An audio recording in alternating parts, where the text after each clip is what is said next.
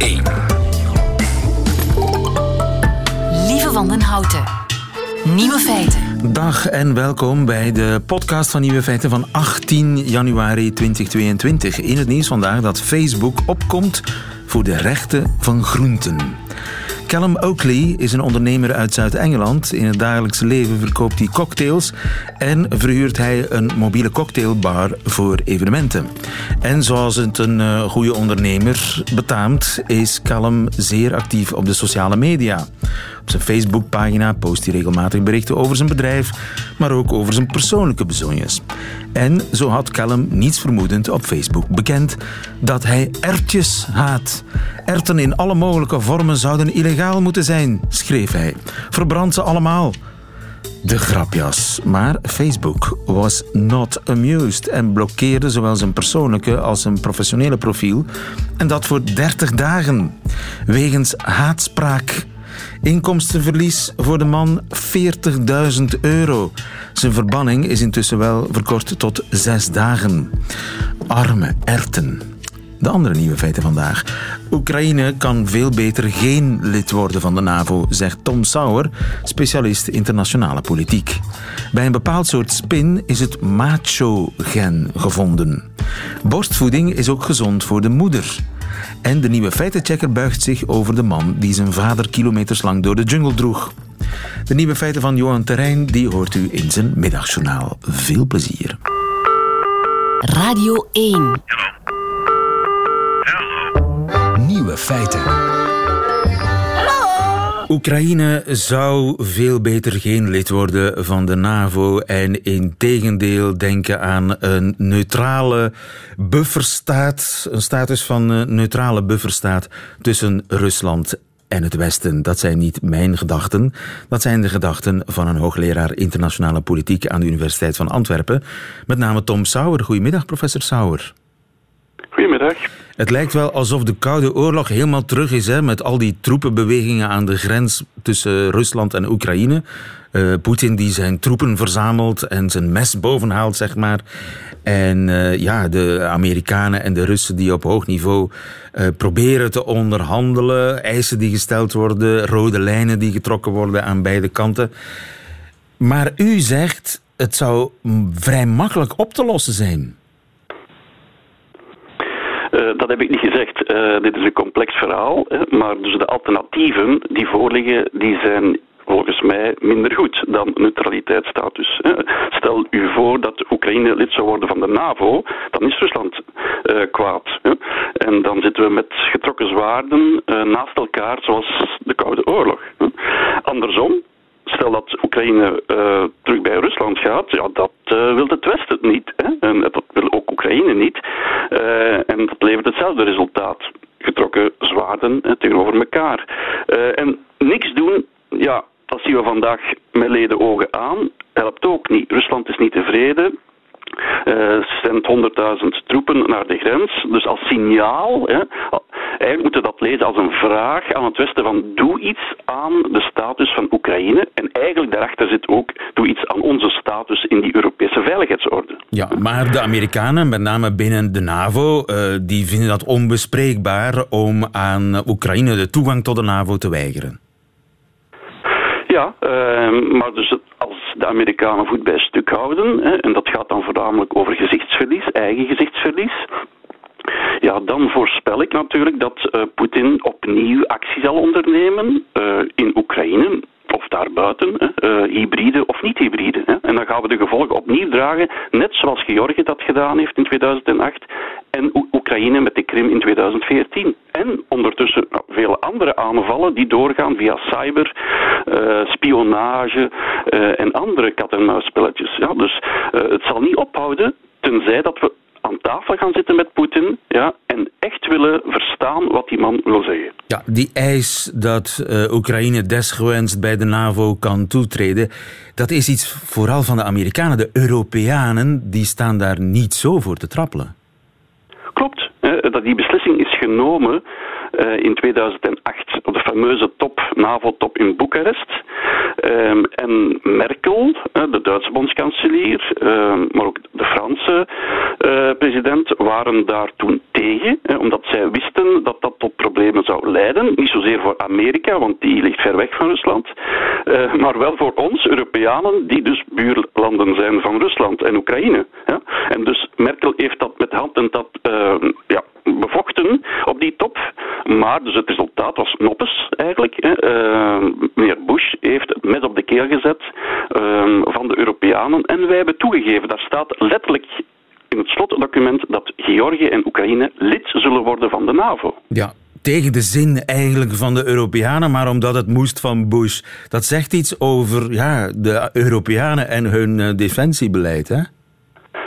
Vooral iets over de onmacht van de Europeanen, de onmacht uh, ook binnen de NAVO. Want als puntje bij paaltje uh, komt, dan is het aan de Amerikanen die de beslissingen nemen en de Europeanen die, ook al doet er ze wat tegen, uiteindelijk toch volgen. Hè. En zo zijn er al verschillende negatieve, slechte besluiten genomen door de NAVO, hè. Um, maar waarbij dus uh, de Europeanen altijd hebben toegegeven. Ja, dus we moeten toch als, als Europeanen eens gaan afvragen of dat het voordeel van het lidmaatschap van de NAVO nog opweegt tegen de nadelen. Dat zijn zware woorden. Je, je zou de NAVO, je zou, Europa zou uit de NAVO, of enfin, de NAVO opdoeken, komt dat dan eigenlijk, daar komt het dan eigenlijk op neer. Uh, de NAVO heeft ons naar Afghanistan gebracht. Ik moet daar denk ik ook geen tekening bij maken dat die oorlog ook geen succes was. Naar Libië, idem dito. Ja. En fundamenteel, ja, allianties zijn bedoeld, zoals de NAVO, voor oorlogstijd. Ja. Die zijn niet bedoeld voor vredestijd. Dat geven ook realisten toe. Ja. De mensen met een meer conservatieve mening.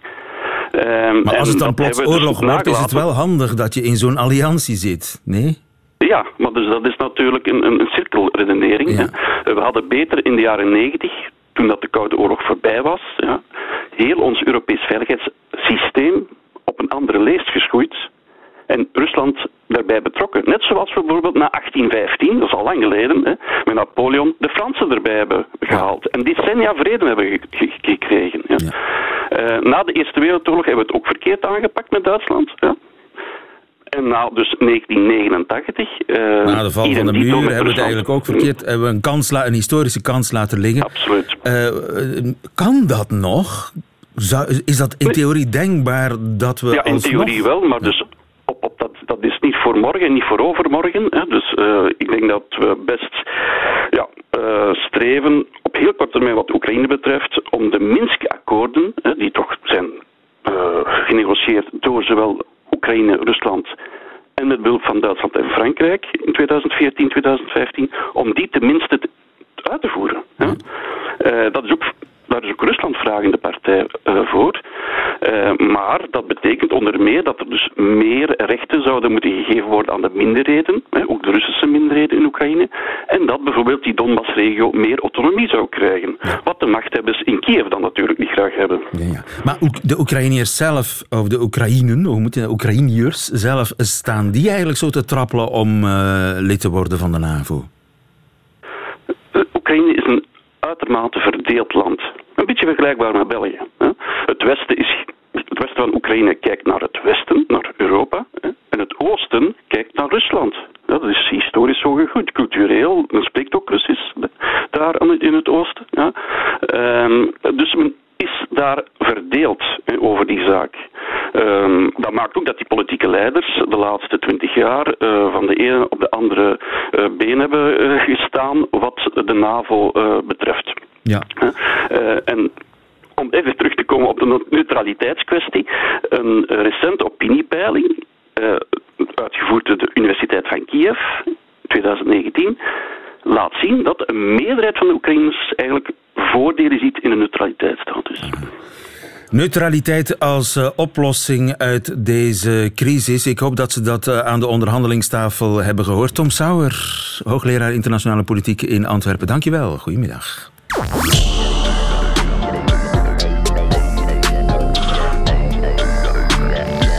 De nieuwe feitenchecker.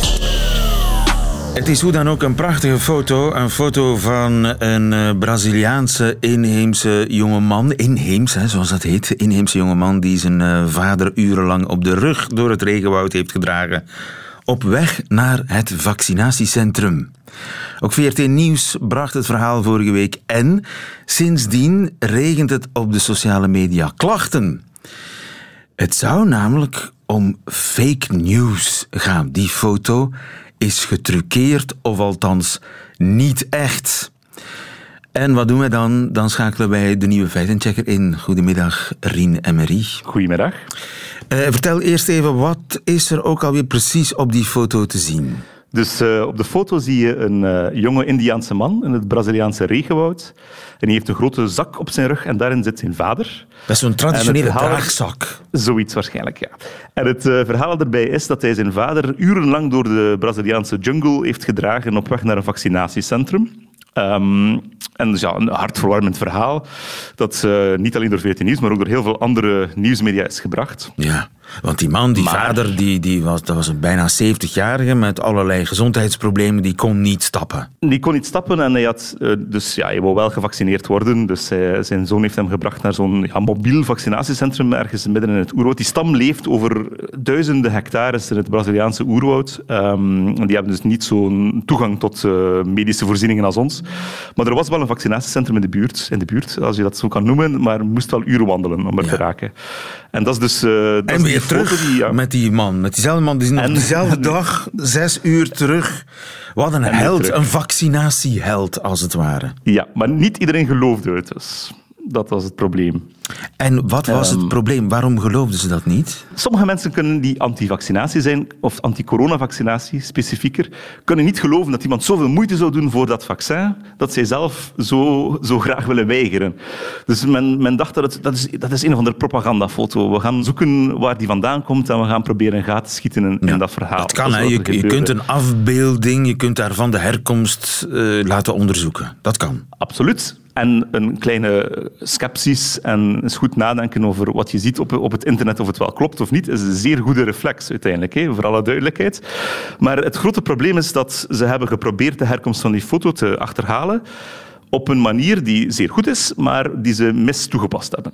Aha, dus, want? Um, ja, want er is een heel courante en heel populaire fact-check techniek en die heet reverse image search. Omgekeerd zoeken op foto's. Ja? Net zoals je in Google een zoekterm kan intypen en Google geeft je alle websites waar die zoekterm op staat, kan je hetzelfde doen met afbeeldingen. Dus je kan naar images.google.com gaan, je kan daar een foto uploaden en dan zoekt Google voor jou het internet af en ze geven ze je elke pagina waar die foto op staat. Ja, dus dat simpel. Is, dat is iets simpel. Dat en wat was het resultaat doen. van die reverse search? Men vond die foto natuurlijk op heel veel websites. Want wat was er gebeurd? Net zoals 14 Nieuws hadden heel veel nieuwsmedia daar een artikel over geschreven over die kwestie van die man in het oerwoud en zijn vader en dat vaccinatiecentrum. Uh, dus heel veel heel veel pagina's vond men terug. Maar als je dat doet en je zoekt uh, een, een, bepaalde foto of zelfs een zoekterm op Google, krijg je altijd daarbij een datering. Dus in je zoekresultaten geeft Google je van dit, artikel is van deze datum en dit artikel is van deze datum. En wat is er nu gebeurd? Men had um, bij die foto data gevonden van websites die uit 2015 waren. Aha. Die zouden dus insinueren van die foto is helemaal niet van nu een man die zijn vader draagt naar een vaccinatiecentrum. Die foto is eigenlijk al zeven jaar oud. Dat Want die foto de... staat op webpagina's die gemaakt zijn in 2015. Voilà. Dat is, dat is het resultaat dat men kreeg van zo'n reverse image search, zo'n zoekopdracht. Dus, probleem probleem, fake. maar het... Nee, niet, toch, niet, toch niet fake. Het is, uh, het is wel degelijk een foto die genomen is vorig jaar. En Hoe weet je dat zo zeker? Is, wel, we, we, weten het zeker omdat, uh, omdat iedereen ondertussen al die man gecontacteerd heeft die hem online gezet heeft. En dat is een dokter die werkt in het Amazonewoud. Hij heeft hem online gezet op 7 januari 2022 dus. Maar het is een foto die hij vorig jaar genomen heeft tijdens een van zijn vaccinatiecampagnes daar. Op Instagram heeft hij die geplaatst. En dat was ook de aanleiding voor al die foto's. Wat is er gebeurd als je die foto zoekt op, dus met zo'n reverse image search op het internet? Ja, um, heel veel media hadden erover geschreven. En op uh, nieuwsmediapagina's vind je vaak aan de rechterkant of onderaan of links uh, een, een, andere kolom met de nieuwste artikels of um, populairste artikels of artikels die het meest aangeklikt zijn. Op diezelfde webpagina. Ja, die plugins, die plugins zo die je altijd ziet staan. En die komen natuurlijk ook voor op oude webpagina's. Dus de art, het artikel dat men gevonden had in 2015, waar zogezegd die foto op stond, als je daarop klikte daadwerkelijk, zag je dat dat een artikel was. Het was van de Braziliaanse versie van BBC. Het ging over inflatie in 2015. En rechts, in het kolommetje van nieuwste artikels, stond inderdaad een artikel dat ook zij, BBC in Brazilië, hadden geschreven over die kwestie van die man in, in het oerwoud. Dus dat is de reden dat dus een foto die um, recent is, kan opduiken in een zoekresultaat waar dan een datum bij staat die heel oud is. Want Google neemt gewoon de datum waarop het artikel zelf gepubliceerd was, het oude artikel. Ja. Maar herkent niet dat het kleine plugin aan de rechterkant dat dat een, uh, ja, dat dat een recent, foto is. Ja, dus het zou perfect kunnen dat je ook op, een website, op de website van VRT Nieuws een artikel over Brazilië aan het lezen bent uit 2015 en dat daar plotseling een link naar het artikel met deze foto opduikt. Voilà, en die foto staat daarbij en Google zoekt op foto en vindt enkel de foto en die indexeert de datum en dan lijkt het alsof die foto oud is, maar die is niet oud. Dus je moet altijd, altijd, als je zo'n reverse image search doet, daadwerkelijk ook eens klikken op de link. Want wat, wat was er gebeurd? Men had dan een screenshot genomen van het artikel van de VRT en men had een screenshot genomen van die zoekresultaten en een rood cirkeltje getrokken rond die datum in 2015. Betrapt. Insinuerend van, er is hier betrapt fake news van, van VRT-nieuws, uh, eh, vaccinpropaganda van onze openbare omroep. Maar dus, uh, het is iets anders dat er aan de hand was. En je moet altijd eens klikken op de link en kijken wat er aan de hand is. Of nog beter, nog beter andere tools voor reverse image search gebruiken. Want niet enkel Google bestaat. Je hebt ook nog de, zoek, de zoekmachine van uh, Microsoft, Bing. Je hebt zelfs uh, Yandex, een Russische zoekmachine. En die hebben allemaal ook zo'n tooltje om, om op foto's te zoeken. En als je die dan een beetje combineert met elkaar, dan vind je al redelijk gemakkelijk of het wel klopt dat, dat het een oude foto is of niet. Of dat er gewoon een glitch is van, uh, van de pagina die je niet herkent van... Ja, die foto staat wel op een oude pagina, maar het gaat om een, een, een zo'n scroll van nieuwe, nieuwe berichten die net Het is een vak, hè? Fact-checken. Niet iedereen kan dat. Je hebt een, een grote en uitgebreide gereedschapskist nodig en Rien Emery heeft die. En daardoor zijn we erachter gekomen dat de foto van de vaccinatieheld, die zijn 67-jarige vader, zes uur op en zes uur heen en zes uur terug eh, door het eh, regenwoud eh, heeft gedragen. Die foto is echt. Dankjewel, Rien. Tot een volgende keer. Tot de volgende.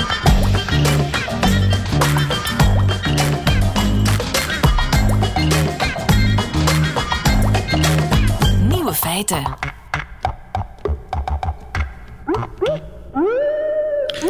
Het macho-gen is gevonden. Voorlopig niet bij de mens, maar bij een spin. Frederik Hendricks, goedemiddag. Goedemiddag. Frederik, jij bent evolutiebioloog aan het Koninklijk Instituut voor Natuurwetenschappen in Brussel. Ja, dat klopt. Het gaat om de bultveld-dwergspin. Ik wist niet dat zij bestond, maar zij komt naar het schijnt in onze streken voor.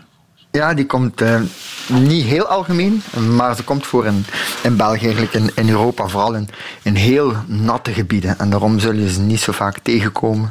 Het, uh, want is het is nogal riskant. Het is een heel klein spinnetje. Ja, Het is eigenlijk maar 2 mm of zo.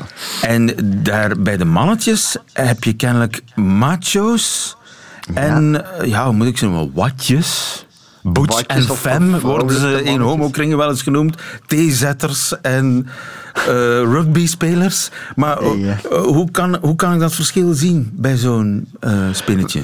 Ja, de, de verschillen zijn eigenlijk uh, heel duidelijk tussen die twee mannetjes. En de verschillen zijn eigenlijk zelfs zo groot dat men lang dacht dat het eigenlijk twee totaal verschillende soorten waren. Uh, en het is eigenlijk pas in de jaren 90 dat men gezien heeft dat dat eigenlijk die twee verschillende type mannetjes uh, eigenlijk tot dezelfde soort behoren. En hoe zie je het verschil? Het verschil is heel duidelijk doordat uh, dat die, die spin behoort tot de familie van de dwergspinnen. En daar hebben die mannetjes soms heel bizarre kopstructuren. Het is bijna een beetje gelijk dat je naar de Muppet Show zou zitten kijken als je die spinnetjes ziet onder de, onder de een microscoop. En uh, de macho mannetjes die hebben dus eigenlijk een grote bult van bovenop hun hoofd waar dan een groeve in zit met haren. Daar, worden, daar zitten klieren in enzovoort. En dat zijn eigenlijk allemaal ja, tools, laat zeggen, om, om uh, vrouwtjes, vrouwelijke spinnen te verleiden. En die andere mannetjes, die zien er eigenlijk uit zoals vrouwtjes. Die hebben dus die structuren helemaal niet. Die zijn volledig plat. En ja, zijn eigenlijk buiten hun geslachtsorganen nauwelijks te onderscheiden van, van vrouwtjes. En dat verschil uitzicht dat ook in gedrag? Uh, ja, eigenlijk wel. Dus uh, wat dat je eigenlijk vooral ziet, uh, wanneer vrouwtjes nog niet gepaard hebben, zullen ze eigenlijk nauwelijks onderscheid maken tussen die twee verschillende types mannetjes. maar eens ze gepaard hebben, zou je kunnen zeggen, ja, de goesting is een beetje over. En dan eh, hebben dus die kopstructuren van die, van die macho-mannetjes, eh, die produceren een soort van, van vloeistof waar, waar dat die vrouwtjes zal aantrekken. Die vrouwtjes gaan daarop af en daardoor grijpen die mannetjes, die macho-mannetjes, natuurlijk een kans om dan ondertussen terug opnieuw het vrouwtje te bevruchten.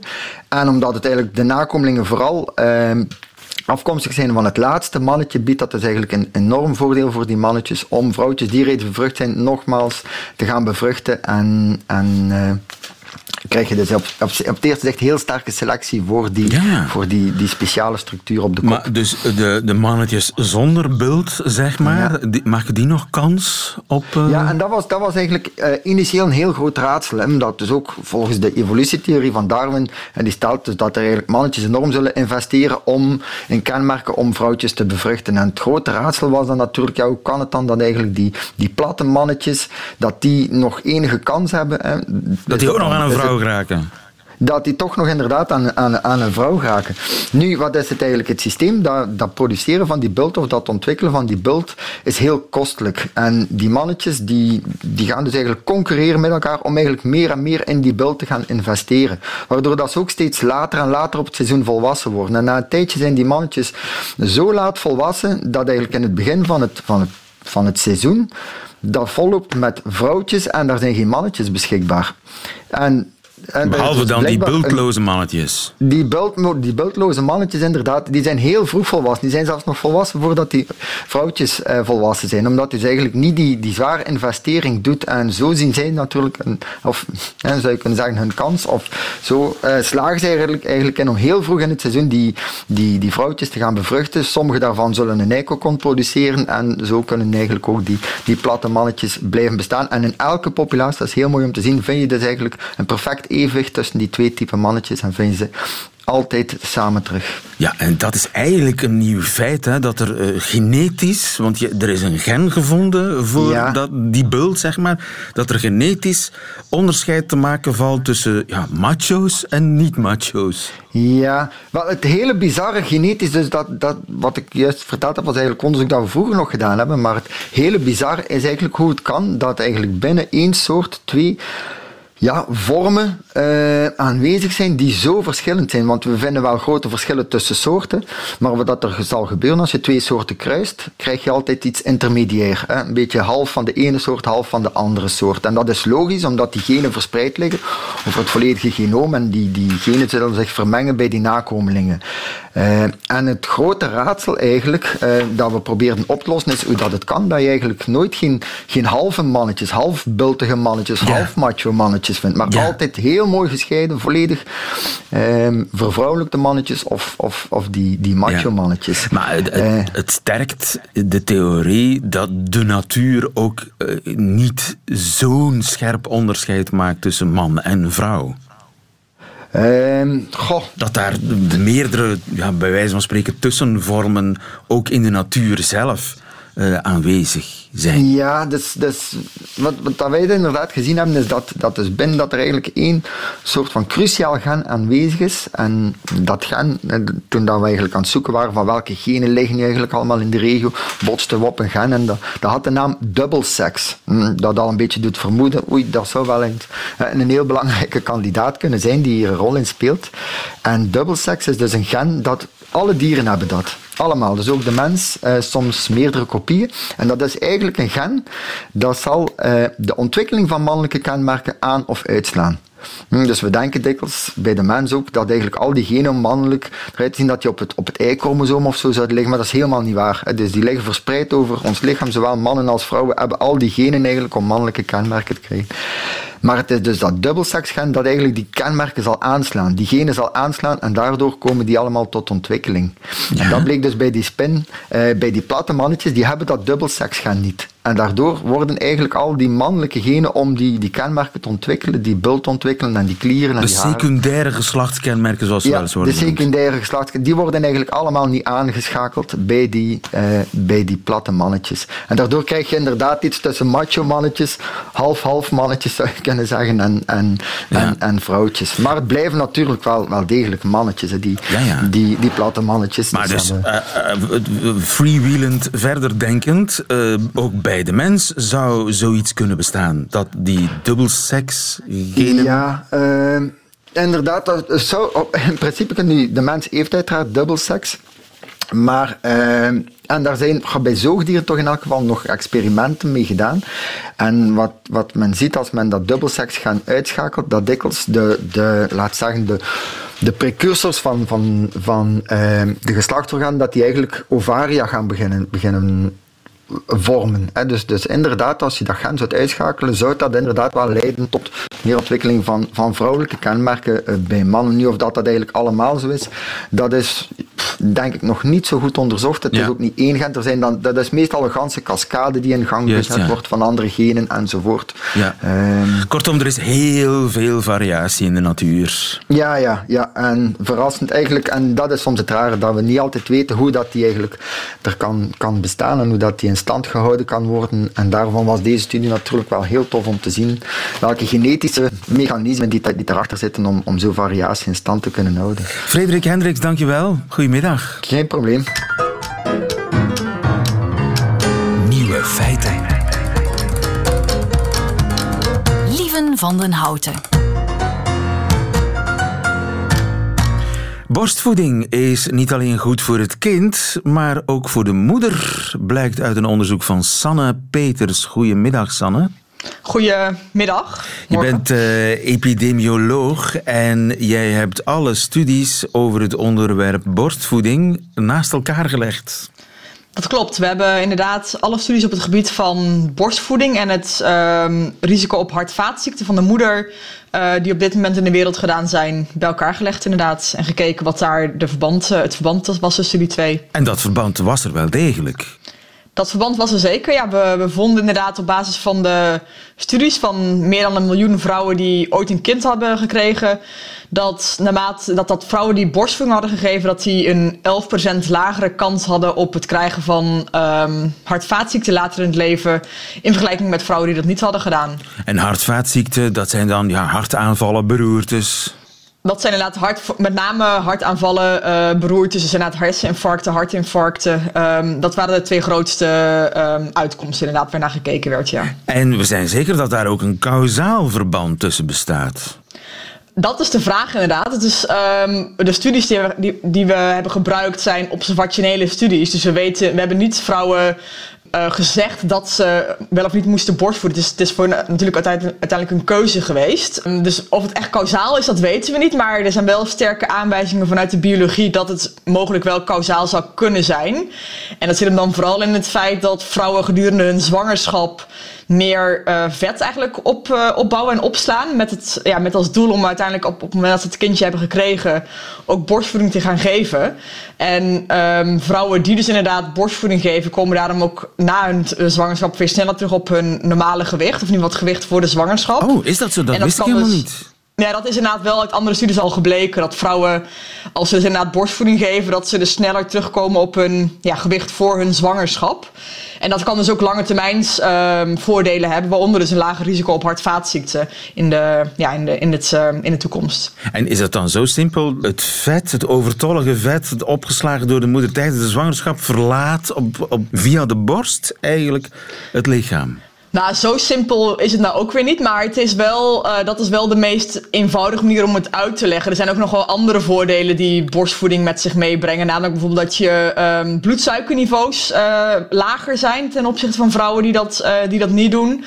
Ehm, vrouwen die hebben, wat ik al zei, ze verliezen sneller hun, ehm, eh, hun, ja, hun overtollige vet eigenlijk dat ze tijdens de zwangerschap hebben opgeslagen. Maar ook bijvoorbeeld een hele eh cholesterolhuishouding, die wordt ook weer eh, sneller normaal.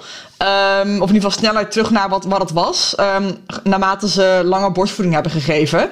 Dus het lijkt wel echt in het metabole verhaal te passen, zeg maar, van nou ja, ehm, sneller terug naar wat het was voor de zwangerschap. Ja, en maakt het uit hoe lang je borstvoeding geeft? Een half jaar, een jaar? De Wereldgezondheidsorganisatie ja, beveelt een, minimaal een half jaar volledige borstvoeding aan. maar dat is inderdaad vooral uh, vanwege het feit dat het, dat het voor het kind uh, de beste voeding is. Um, wij hebben wel gekeken naar de lengte van borstvoeding. En we zagen daar wel dat naarmate een vrouw lange borstvoeding gaf, dat het, ja, dat, dat effect wel doorzette. Um, maar we hadden daar. Um, het, het, wiebelde wel, het, wiebelde wel tussen, tussen de studies die we hadden geïncludeerd. Dus ja, we kunnen daar niet echt heel, heel duidelijk over zeggen dat het, uh, hoe lang het zich voortzet, zeg maar. Maar het lijkt er wel op dat langer beter is dan kort, zeg maar. Dus hoe langer, hoe beter. Daar komt het eigenlijk op neer. Ja, ja. Ja, het is ook wel goed nog belangrijk om op te merken dat het niet alleen cardiovasculair risico is. Dus, dus niet alleen maar hart- en vaatziekten dat, uh, waar, uh, waarvan het risico ook lager is. Maar bijvoorbeeld ook uh, borstkankerrisico is lager naarmate vrouwen langer borstvoeding geven. Eierstokkanker en ook diabetes. Dus het is niet alleen, ja, het, het is echt een heel aantal um, toch veel voorkomende ziekten die later, die lager, waarbij bij vrouwen die, die borstvoeding hebben gegeven een lager risico op hebben. Ten opzichte van vrouwen die geen borstvoeding hebben gegeven. Helder, dankjewel. Sanne Peters, goedemiddag. Graag gedaan, dag. En dat waren ze meteen, de nieuwe feiten van 18 januari 2022. Alleen nog die van Johan Terrein nu in zijn middagjournaal. Nieuwe feiten. Middagjournaal. Beste luisteraar. Net op het moment dat ik me afvroeg wat vriendschap alweer inhield en of ik mezelf niet te veel aan het isoleren was en of ik wel voldeed als vriend, wist ik het plots weer. We stonden in een park in Gent. Twee mannen van middelbare leeftijd die elkaar lang omhelsden, terwijl de regen een niet onaardige poging deed daar een eind aan te maken. We hadden elkaar net iets toegewenst voor het nieuwe jaar. Nu ja, toegewenst, het was niet dat het over een goede gezondheid ging en veel werk en minder corona. Nee, we hadden elkaar lang niet gezien, zoals dat onze gewoonte is, en we hadden naar elkaars vroetende, worstelende leven gepolst. Tussen de zinnen en de stiltes door hadden we daarin ook het verlangen gehoord dat in de ander leefde. Dat verlangen erkenden we door het uit te spreken als wens. En zo kwam het dat we daar in die lange omhelzing stonden, terwijl het bleef regenen, terwijl een groep fluoriserende kinderen ons kwetterend voorbij wandelde, terwijl een hond even twijfelde, maar dan toch niet tegen onze benen kwam pissen, terwijl de wolken weer openbraken. Van op afstand moet het geleken hebben alsof we elkaar niet meer gingen loslaten, maar dat deden we uiteindelijk wel. We zagen in elkaars gezicht de tranen die we in het lichte aritmische schokken van onze lijven hadden voelen ontstaan. En we wisten weer wat vriendschap was. Elkaar liefdevol tot diep in het binnenste aanraken en erkennen. Een wens die nu zelf leeft, horen verwoorden door de ander. Dat is vriendschap.